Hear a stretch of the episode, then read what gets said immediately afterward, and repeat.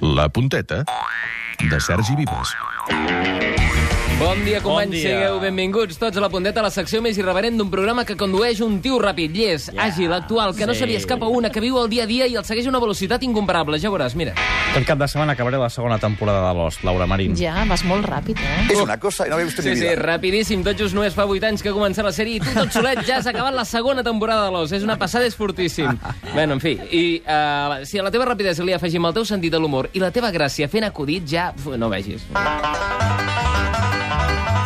En una convocatòria on també hi ha un defensa del filial que es diu Zou. Zou? Sí, sí. I quan cobra? Quin zou té?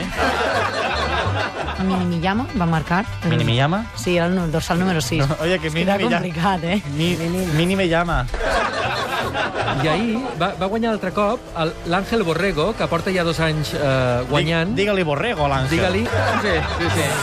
A casa ens pixàvem de riure, sobretot quan vam sentir que anaves per la segona temporada de l'Os, concretament. Ets ràpid, tens gràcia, com el tenim un punt, un programa àgil que sempre dona veu a aquells qui més la necessiten. Envia'm un telegrama. Mourinho torna a fer teatre del bo. No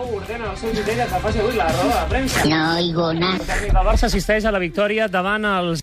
Sí, potser es dona la veu una mica tard, però se li dona. I si no connectem amb Ràdio 9 i que ens facin mig programa ells. Tu, el cas, però, és connectar en el moment precís. A València estan emocionats i a Ràdio 9 ho viuen així.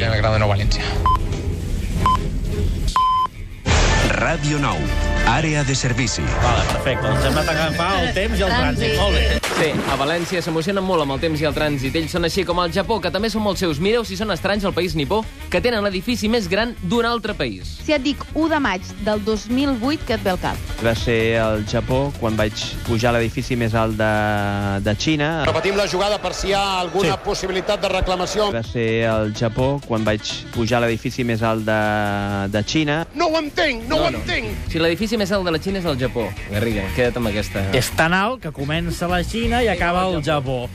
Gràcies, Sergi Vives. La setmana que ve n'hi haurà més.